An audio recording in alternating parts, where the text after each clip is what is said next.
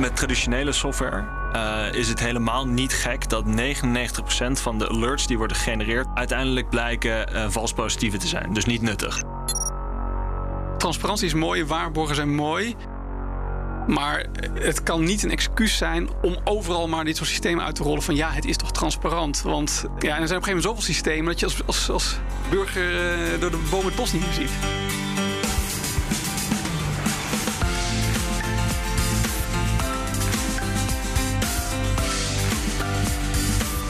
Je luistert naar De Questie, een podcast van de Amsterdam Business School. In deze podcast praten we over de wetenschappelijke inzichten bij en de echte impact van bedrijfskritische ontwikkelingen. Mijn naam is Sander Denneman.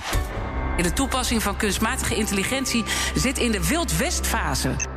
Um, en als die data zelf vooroordelen bevat, dan is het ook duidelijk dat het algoritme die ook zal reproduceren zou je kunnen zeggen, de tweede golf, en daar zit ook dat zelflerende wel vaak bij. Ja. Dat is dat we eigenlijk dingen gaan doen die daarvoor door mensen helemaal niet gebeurden. In deze aflevering hebben we het over wat op dit moment misschien wel de meest besproken technologie binnen de financiële wereld is: kunstmatige intelligentie. En dan zoomen we deze keer ook nog in op de juridische kanten daarvan. Dat hoor je van mijn gasten Anton Ecker. Ja, ik ben gespecialiseerd in de uh, juridische aspecten van grootschalige en complexe dataverzameling. En dat gaat dus voor een groot deel tegenwoordig ook over uh, de toepassing van AI en privacyvraagstukken. En daar adviseer ik allerlei uh, partijen over. En Joost van Houten. Ik ben de founder en CEO van Sentinels. En wij maken AI-gedreven transactiemonitoring software om witwassen en terrorismefinanciering op te sporen. Kunstmatige intelligentie wordt steeds slimmer en het aantal toepassingen groeit hard door. Maar het gebruik van machines die onze eigen intelligentie nabootsen is niet zonder risico's. Hoe moet en kan je kunstmatige intelligentie reguleren? Hoe zijn fintech-bedrijven met zulke vraagstukken bezig? Hoe balanceren zij tussen enerzijds risicomonitoring en anderzijds privacywetgeving? En wat staat ons nog te wachten rondom AI-wetgeving? Dat allemaal bespreken we deze keer in de kwestie. Anton Ecker, advocaat op het gebied van eh, technologie, AI en privacy. En Joost van Houten, oprichter en CEO van Sentinels. Welkom. We trappen altijd een klein beetje luchtig af. Anton, ik begin bij jou.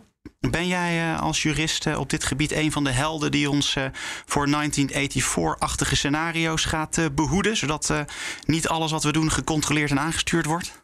Nou, dat is wel een van mijn ambities natuurlijk. Hè. dus ik, ik, volg het op de voet. Ehm, dan moet ik wel zeggen dat AI ook vanuit het juridisch domein toch nog heel nieuw is. Dus we hebben nu wel een voorstel vanuit Europa, maar het is echt nog een concept. Maar ik probeer wel alvast daarnaar te kijken en, en na te denken over de implicaties daarvan. Oké.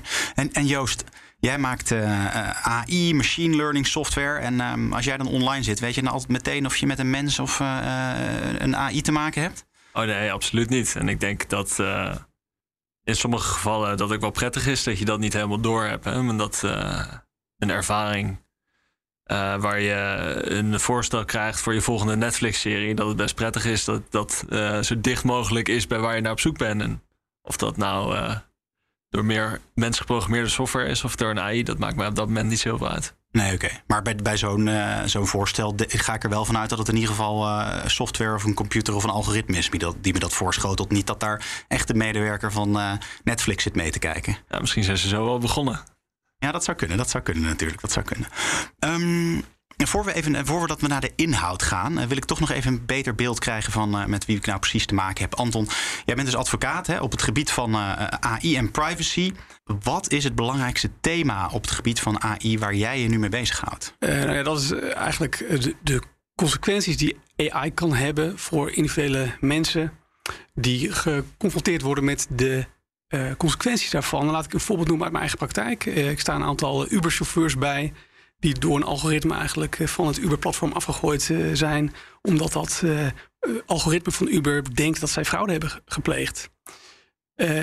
en dat roept dus allerlei vragen op over profilering en geautomatiseerde besluitvorming, zoals dat heet in juridische termen.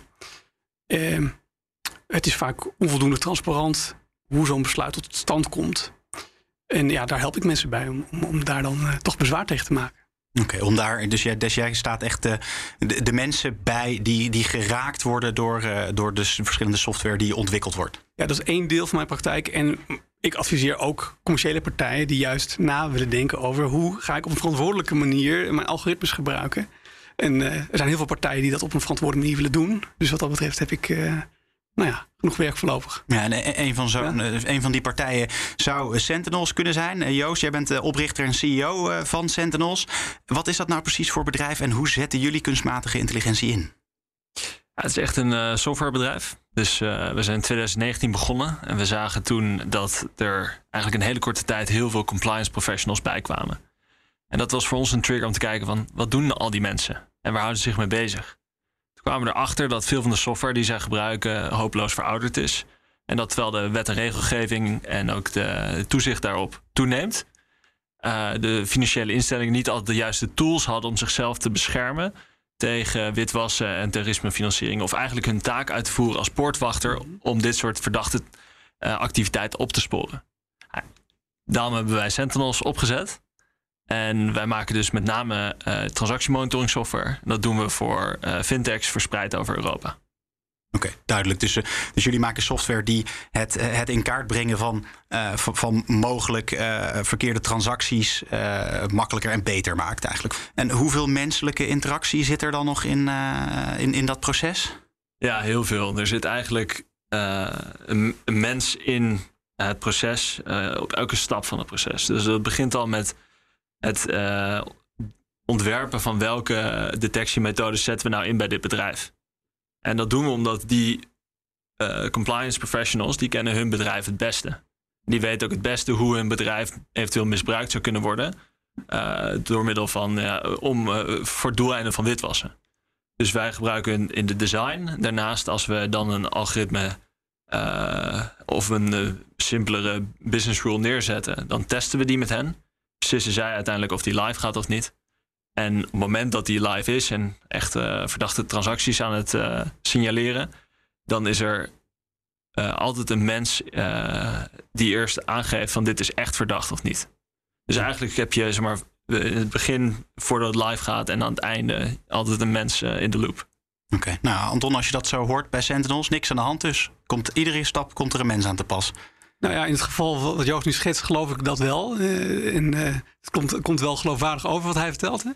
Uh, ik denk, als ik het zo hoor, denk ik, nou, de voornaamste uitdaging is eigenlijk voor die financiële instellingen waar Sentinels haar diensten aan aanbiedt, is dat ze enerzijds dus te maken krijgen met enorme hoeveelheid nieuwe regelgeving, ook als het gaat over anti-money laundering. Dus er komt op Europees niveau weer een hele nieuwe verordening aan, die nog strenger is dan de richtlijnen die er al zijn.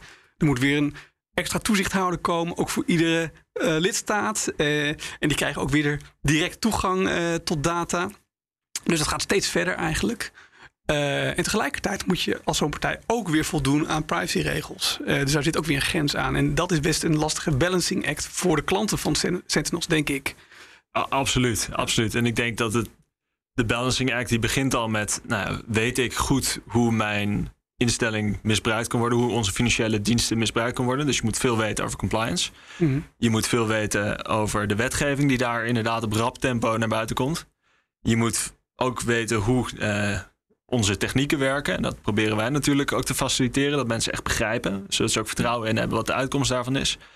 En daarnaast moet je rekening houden met de andere wetgevingen. Dus niet alleen de wet ter voorkoming van witwassen en terrorismefinanciering, die ik vanaf nu de WWFT zal noemen, uh, maar ook de AVG uh, en andere wetten die relevant zijn in dit veld.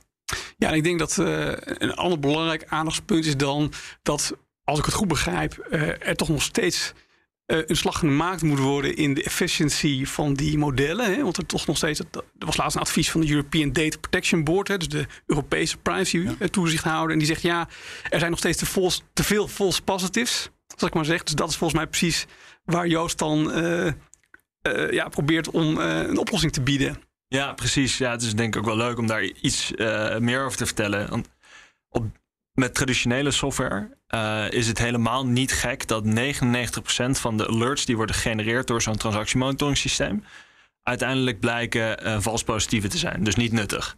Uh, aangemerkt als verdacht, maar niet ja. verdacht. Ja, dat is, kan je voorstellen, dus dat een groot deel van de mensen die zijn aangenomen zich dus dag in dag uit bezighouden met niets anders dan uiteindelijk ineffectief werk. Ja. ja. dat is precies wat we proberen te bestrijden. Uh, want als je zorgt dat die nauwkeurigheid van die systemen omhoog gaat, dan kunnen deze mensen meer aandacht besteden aan ja, de echt risicovolle casussen. En wellicht ook kijken naar waar hebben we het risico nog niet genoeg afgedekt.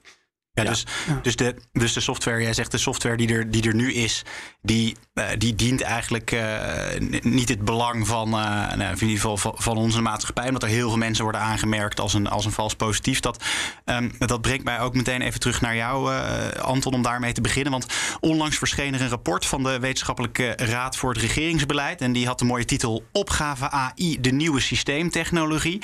En daarin waarschuwt de Raad ook dat als Nederland zich niet beter voor voorbereid op de komst van AI, dat we een grote kans missen en misschien wel worden opgeschreven met technologie die onze belangen niet dient. Wat er dus nu al uh, veel is, hoor ik. Um, het was een heel dik rapport. Uh, dat gaan we niet helemaal doornemen. Maar hoe kijk jij er nou naar als, als jurist? Nou ja, ik heb het inderdaad ook niet helemaal doorgelezen. Het was volgens mij meer dan 500 pagina's. Maar ja, het zou lekker zijn als er AI was die ons even een goede samenvatting, die samenvatting wil geven. Volgens mij is er ook een samenvatting hoor. Die heb ik ook uh, gebruikt. Maar ja, dat eerste wat jij noemt, hè, systeemtechnologie, dat vond ik wel interessant. Wat zegt de WRR? Het is een AI is eigenlijk alomtegenwoordig in alle domeinen van de samenleving. Uh, het is een continu proces van verbetering wat je daar ziet. Dus het wordt steeds goedkoper en efficiënter. En je kan het ook combineren met allerlei andere technologieën, wat die innovatiekracht nog weer verhoogd. Hè? Dus bijvoorbeeld in de automotive sector, maar een voorbeeld te noemen. Of uh, als toepassing die je combineert met medische hulpmiddelen. Ik noem maar wat. Dus um, daarom is het zo belangrijk om een strategie te bedenken. En wat zegt de WR nou? nou waar moet je onder andere aan denken als maatschappelijke opgave? Nou, engagement, eh, of engagement moet ik het zeggen in het Engels. Hoe betrek je alle maatschappelijke partijen eigenlijk bij de ontwikkeling. Uh, dus niet alleen het bedrijfsleven bijvoorbeeld, maar ook de vakbonden om een voorbeeld te noemen. Uh, hoe eh, positioneert Nederland zich binnen Europa ten opzichte van andere landen? En uh, ja, ze noemen ook een aantal dingen over regulering. En ik moet eerlijk zeggen dat dat wel erg algemeen in voorhand liggend was. Namelijk dat je, als je AI gaat reguleren, dat je natuurlijk met name moet, kijken naar de risico's op surveillance, uh, dataverzameling en machtsconcentraties. Met name ook in de big tech. Uh, dat noemt de WR. Oké, dat, dat noemen ze. En dus, dus een, een hele hoop aanbevelingspunten. Uh, hoe vaak betrekken jullie uh, de mensen die, uh, die, die, die naar boven komen in de screening? Ah, en misschien achteraf bijvoorbeeld niet die blijkt te zijn. Heb je, heb je wel eens klankbordgroepen met criminelen of mensen die eigenlijk niet crimineel blijken te zijn? Nee, dus er is ook nog een onderdeel van de WWFT waar er een risico is van tipping off. Dus je mag de mensen die je aan het onderzoeken bent niet laten weten dat je hen aan het onderzoeken bent. Um, zij zullen daar ook uh, niet iets van merken. Hè? Dus hun transacties die worden verzameld als bewijs en dat wordt bij de overheid neergelegd. Of bij, uh, eerst bij de uh, FIU, toezichthouder hier. Maar ja, ik vind het natuurlijk wel interessant om af en toe met mensen in de markt te spreken. Zo sprak ik laatst met de auteur van het boek Mokra Mafia. Ja. En die spreekt naar eigen zeggen heel veel criminelen. En die vertelt dan ook over wat hij hoort over witwastechnieken daar staat dat iets verder van ons af, omdat we meer werken met fintechs dan met bijvoorbeeld een bank die daar direct ermee samenwerkt. Uh, of direct ermee in aanraking komt. Uh, maar ja, absoluut vinden we interessant. Ja. Zou, dat, dat, dat, zou ieder bedrijf dat moeten doen, Anton? Uh, ja, ik denk dat het belangrijk is om je ook te verplaatsen in het perspectief van de personen die geraakt kunnen worden. En wat mij altijd wel opvalt, er wordt vaak gesproken over false positives. En dan zeg ik ja, maar false positives kan ook gewoon een mens zijn. Het is iemand die geconfronteerd wordt met nou ja, computer says no, zeg maar. Ik kan een leuke anekdote vertellen. Het is mij ook een keer overkomen.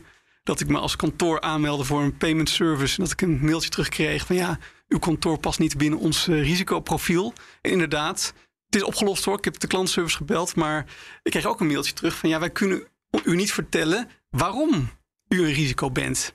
En dan voel je je wel, uh, ja, nou, machteloos is een groot woord, maar uh, ja dat, dat is wel, uh, kan heel vervelend zijn. En jij weet, en of had het vermoeden dat, dat, dat, je, dat jullie een, uh, een, zwart, een zwart kruisje hadden gekregen, jouw kantoor, omdat je uh, door een AI, niet door een mens, maar gewoon door een systeem. Nou ja, dat is heel grappig. Dat weet ik niet. Ja, Was het, niet. Waren jullie het? Was het zou, zouden jullie het kunnen zijn, zijn geweest, jullie software? Nou, dit, dit klinkt als het KYC of onboarding onderdeel van het proces waar wij niet bij betrokken zijn.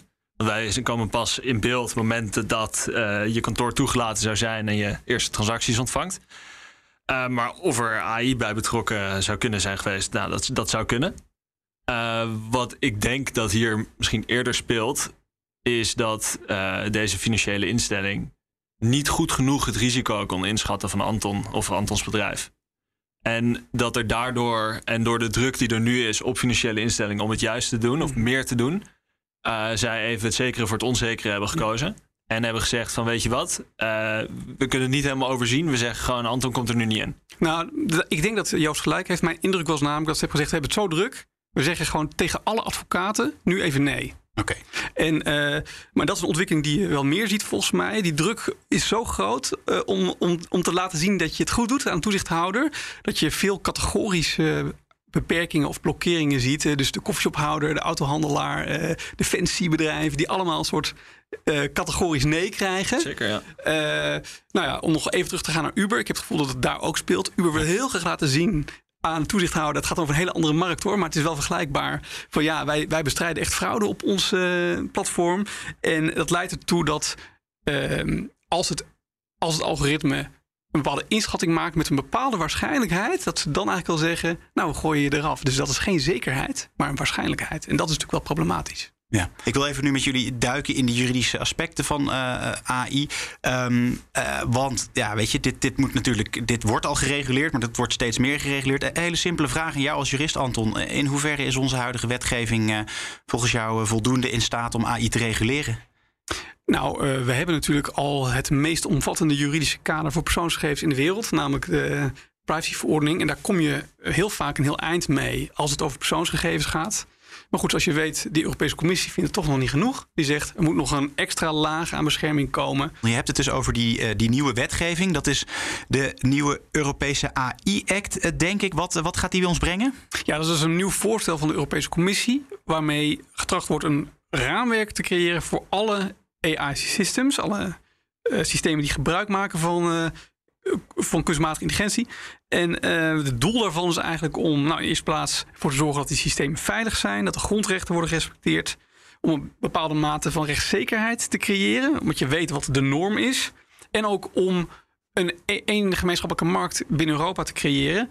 En die verordening gaat uit van een risicogeoriënteerde benadering. Dat betekent dat er een onderscheid wordt gemaakt tussen verschillende categorieën van AI-systemen op basis van het risiconiveau. Dus je hebt allerhoogst niveau zijn de onacceptabele toepassingen. Bijvoorbeeld social scoring, waarbij uh, de betrouwbaarheid van mensen uh, wordt ingeschat op basis van hun gedrag. Ja. Dat is verboden. En de high-risk systemen. ja, dat is een hele lange lijst, eerlijk gezegd, van toepassingen. En dan moet je onder, onder andere denken aan biometrische identificatie, beheer van kritieke infrastructuur, uh, onderwijs, werkgelegenheid. Dus alle AI die in dat domein wordt toegepast. En daar gelden strenge eisen voor. En maar is het dan, is dan de wetgeving die er nu is en misschien aankomt, is het, is het, is het die, die zin effectief genoeg? Zijn er, is, is er genoeg mankracht? Weet je, het is leuk dat het allemaal op papier staat, maar mm -hmm. uh, gaan we er in de praktijk, uh, komen er mee uit de voeten?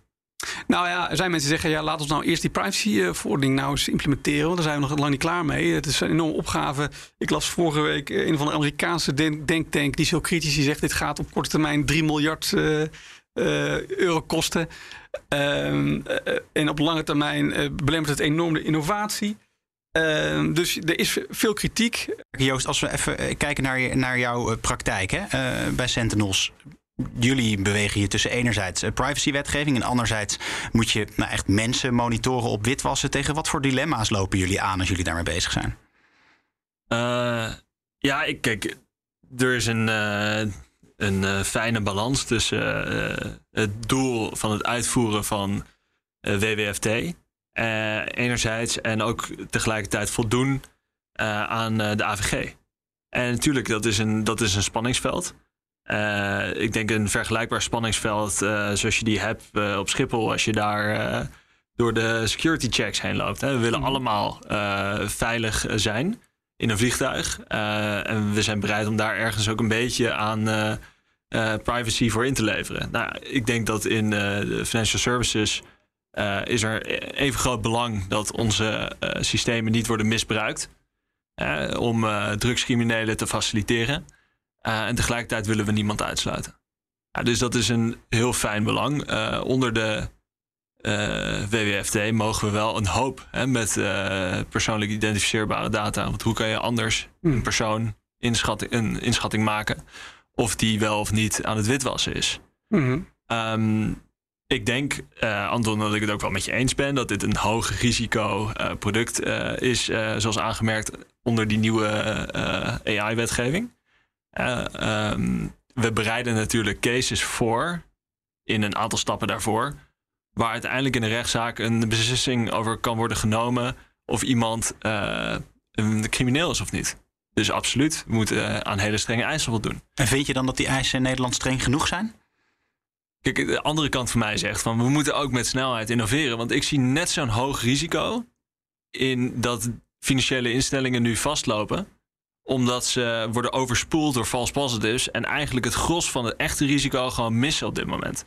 Dus voor mij is het wel duidelijk dat er een balans moet zijn tussen innovatie en regulering. En ik denk ook dat die gevonden kan worden. Maar die, ik weet niet of wetgeving uh, er, eruit gooien en dan daarop reageren als bedrijf dan de beste methode is. Wat mij bijvoorbeeld aanspreekt als een charmant voorbeeld is dat de DNB heeft iemand en die is parttime ook uh, uh, AI aan het studeren omdat hij deze markt beter wil begrijpen. En die heeft laatst een paper uitgestuurd over hoe gebruik je nou AI op een ethische manier in de financiële uh, dienstverlening. Maar dus, wil je daarmee zeggen, je hebt liever zelfregulering dan. Uh, dan...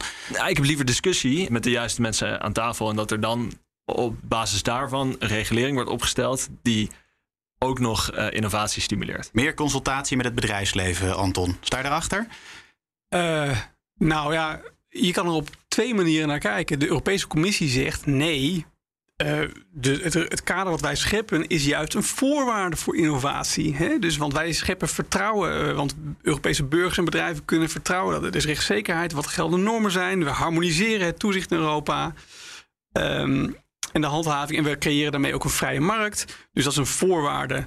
Uh, juist. En, en de Europese Commissie schermt ook met allerlei maatregelen die ze treffen om juist innovatieve bedrijven te helpen.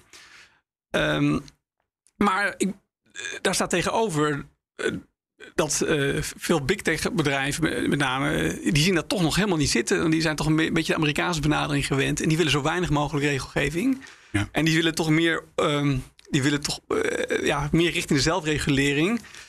Ja, Kijk, ik, ik denk dat regulering niet slecht is. En nee. de, de, punten die ook werden genoemd, hè, meer data governance, dat maakt alleen maar het product uh, beter. Mm -hmm. En dat zorgt ervoor dat er geen fouten worden gemaakt.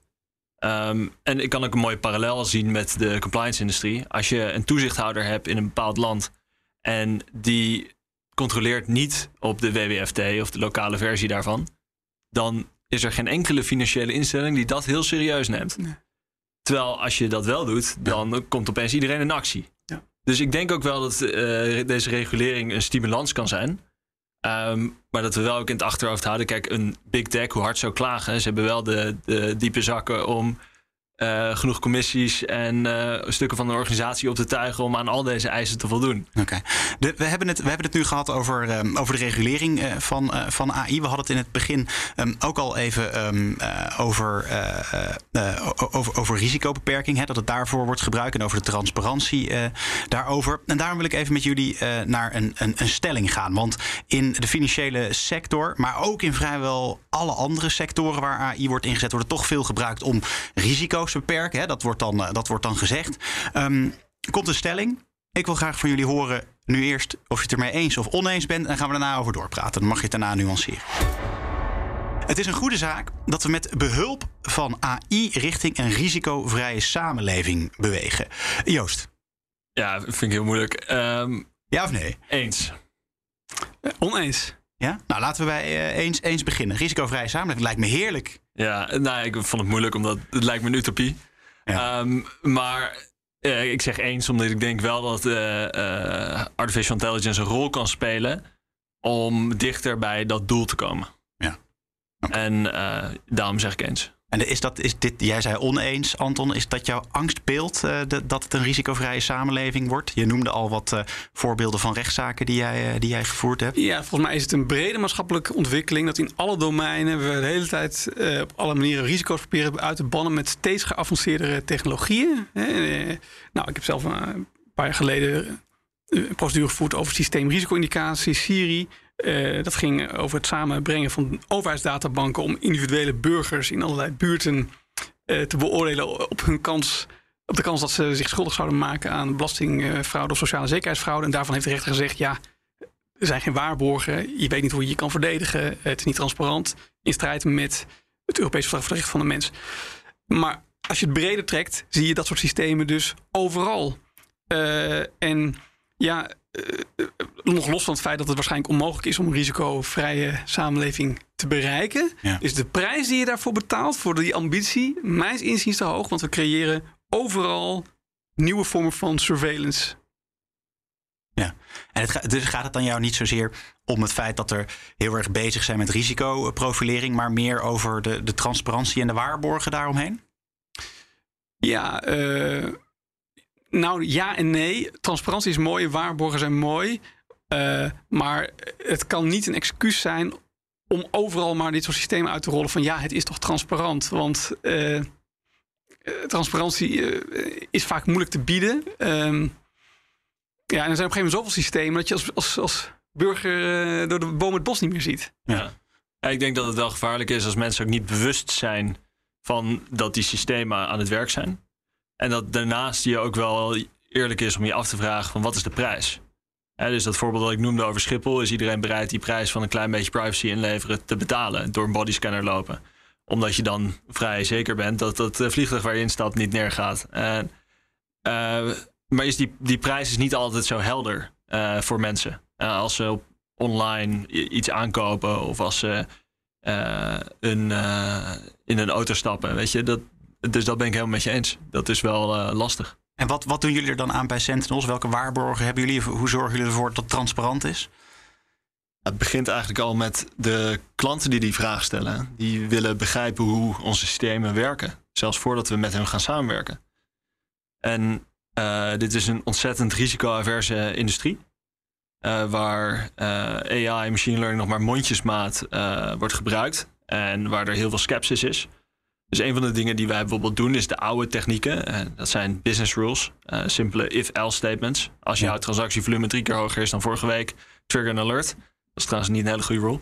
Dan die AB testen tegen een machine learning model. En dat doen we dan over een periode van bijvoorbeeld twee, drie maanden. Zodat onze gebruikers, de compliance professionals, het vertrouwen krijgen dat we niks missen. Um, maar eigenlijk wel een hogere true positive rate uh, realiseren. Ja. Dat soort uh, samenwerkingen tussen uh, onze klanten en onszelf en de techneuten en de compliance mensen. Ja. Dat, dat zorgt voor een waarborg en vertrouwen. Maar dat is heel fijn voor jullie klanten. Maar dat zorgt niet voor uh, vertrouwen bij mij als ik een bankrekening aanhoud bij, bij een van jouw klanten. nee, dat klopt. Nee, dat klopt. daar speelt, spelen onze klanten wel ook vooral ook zelf een rol in. Uh, dus wij kunnen hen heel goed uitleggen wat zijn de technieken die jullie gebruiken in onze software. Uh, de communicatie van hen naar hun klanten toe. Ja, dat is wel hun verantwoordelijkheid. Um, nu communiceren we in de compliance-industrie hier wel vrij open over, in de financiële industrie ook. Uh, dus ja, ik denk dat wij daar ons, ons deel mee doen om aan te geven van hoe werken die systemen nou. Maar ja, ik ben mezelf, was mezelf ook tot een paar jaar geleden niet bewust dat de transacties die ik uh, onderneem met mijn rekening, dat die ook gecheckt worden door verschillende partijen. Nee. Nou, misschien om daarop in te haken. Kijk, uh, ik geloof dat al, die mensen uh, aan wie jij dienst verleent, dat die echt heus wel allemaal ehm, goede bedoelingen hebben. Ja. alleen je hebt vaak te maken met een combinatie van kleine stapjes die, uh, nou ja, opgeteld toch tot een grotere ontwikkeling leiden. En uh, wel interessant is dat de European Data Protection Board onlangs een brief heeft geschreven als reactie op dat nieuwe uh, raamwerk op, uh, voor de anti-money laundering. Waarin ze zeggen: ja, er is toch in de industrie, in de financial industrie, toch echt een focus, een soort doelmatigheidsdenken. Van eerst, we moeten dit doen, want het is heel belangrijk. En de proportionaliteitsvraag ja. Die wordt nog een beetje vooruitgeschoven. Van ja, dat gaan we ook nog bekijken. Uh, en dat herken ik wel. Uh, dat heb ik vaker gezien. Dus dat was in het, bij systeemrisico-indicatie bijvoorbeeld ook. De Raad van State was heel kritisch over dat systeem. En de wetgever zei: ja, de doelmatigheid en noodzakelijkheid. Of de proportionaliteit met name, die kunnen we nu nog niet aantonen. Dat, daarvoor moeten we het systeem eerst gebruiken. Ja. En zo gaat het stapje voor stapje. En dan later sneeuwt dat toch, dat dat toch onder, heb ik soms het idee. En wat is daar dan het resultaat van? dat je, eh, eh, dat je, dat je dus um, risicoanalyses gaat loslaten op een manier die veel breder is dan strikt noodzakelijk. Dus een, uh, de European Data Protection Board noemt dat one size fits all. Dus uh, in plaats van zoveel mogelijk op individuele gevallen die, die echt verdacht zijn, toch het, het, het net eigenlijk veel breder uh, gooien. Met als risico dat er ook veel bijvangst is van, van onschuldige partijen, als het ware. Ja. Ik denk dat die, um, om niet het goed te praten voor deze industrie, maar dat er nu al een situatie is waar er heel veel bijvangst is. Hè? Om maar even van die 99% vals positives te spreken, waar mensen achter zitten. Dat, uh, dat is de bijvangst. En daarom terecht of onterecht wordt misschien die proportionaliteitsvraag een beetje naar voren geduwd. Want er is nog zoveel verbetering te, eh, te halen ja. door hier betere technieken toe te passen. Nou, denk ik dat je daar ook een middenweg in kan vinden. Ja, dus maar, zeg je eigenlijk, Joost, joh, je zou eigenlijk de, de bestaande uh, regelgeving die er is gewoon beter moeten toepassen. Uh, bijvoorbeeld met behulp van AI? Uh, nou ja, dat, dat denk ik zeker. Anders was, was ik niet deze business gestart. dus ik denk dat bestaande transactiemonitoringsystemen beter kunnen worden gemaakt door meer AI machine learning. Maar ja, om het nog even wat verder op te rekken. Kijk, ik denk ook dat financiële instellingen meer data met elkaar zouden moeten uitwisselen. Om daarmee elkaar beter te beschermen tegen witwassen. Nu zal ik daar even dat voorbeeld even praktisch maken. Een, eigenlijk een definitie van witwassen is het layeren, dus het uh, verplaatsen van geld tussen zoveel mogelijk verschillende financiële instellingen, met als doel om de herkomst van het geld te, te verduisteren. En dus waar ze gebruik van maken is het feit dat één financiële instelling niet verder kan kijken dan haar eigen data.